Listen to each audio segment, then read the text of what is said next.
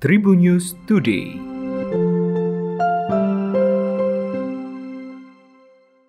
Tribuners berjumpa kembali bersama Hakim di Tribun News Today dan Hakim akan berbagi informasi menarik hari ini mulai dari informasi nasional, informasi regional, selebritis hingga informasi olahraga. Informasi pertama datang dari Bursa Capres 2024. Hasil survei lembaga survei Saiful Mujani Research and Consulting atau SMRC menunjukkan adanya persaingan ketat apabila Prabowo Subianto berpasangan dengan Puan Maharani melawan Anies Baswedan dan Agus Harimurti Yudhoyono pada pemilihan umum pemilu 2024 mendatang. Dalam simulasi pemilihan tertutup terhadap dua pasangan tersebut, Prabowo Puan unggul atas paslon Anies Ahaye.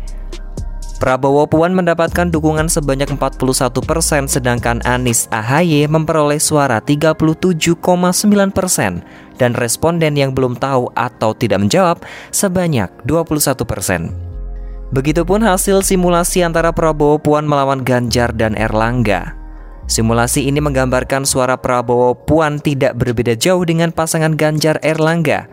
Namun bedanya pasangan Ganjar Erlangga lebih unggul suara dibandingkan Prabowo Puan. Ganjar Erlangga mendapatkan dukungan sebanyak 40,3 persen, sedangkan Prabowo Puan 39,3 persen dan 20,5 persen yang belum menentukan pilihannya. Lebih lanjut, pendiri SMRC menambahkan selalu pola seperti ini belum bisa diperkirakan pasangan mana yang akan unggul pada pemilu nantinya. Ia menyebut kemungkinan Prabowo akan lebih berat untuk menaikkan suaranya dibandingkan Ganjar dan juga Anies. Pasalnya Prabowo dinilai sudah berkali-kali mengikuti kontestasi Pilpres di tahun-tahun sebelumnya. Di sisi lain, Saiful menilai koalisi Pilpres akan semakin mengerucut dalam penentuan pasangan akhir tahun ini.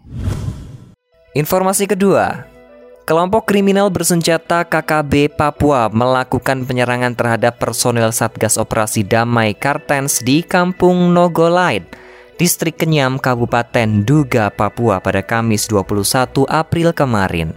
Polisi menduga Egyanus Kogoya menjadi dalang penyerangan mobil personil Satgas Damai Sartens tersebut.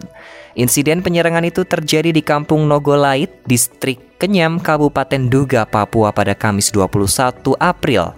Direktur Reserse Kriminal Umum Polda Papua Kombes Faisal Ramadhani mengatakan peristiwa tersebut pecah ketika tiga personil Satgas Operasi Damai Sarten Setengah melakukan pemetaan untuk mengetahui keberadaan KKB di sekitar Kenyam.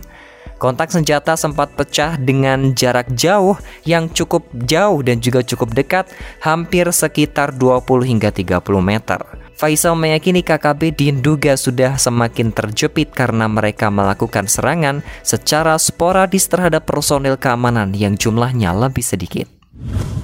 Informasi ketiga datang dari dunia selebritis. Viral di media sosial seorang ibu mengungkapkan kekesalannya dengan Baim Wong. Kekesalan itu bermula dari konten YouTube Baim Wong yang merekam dan membuat konten dengan ibu tersebut.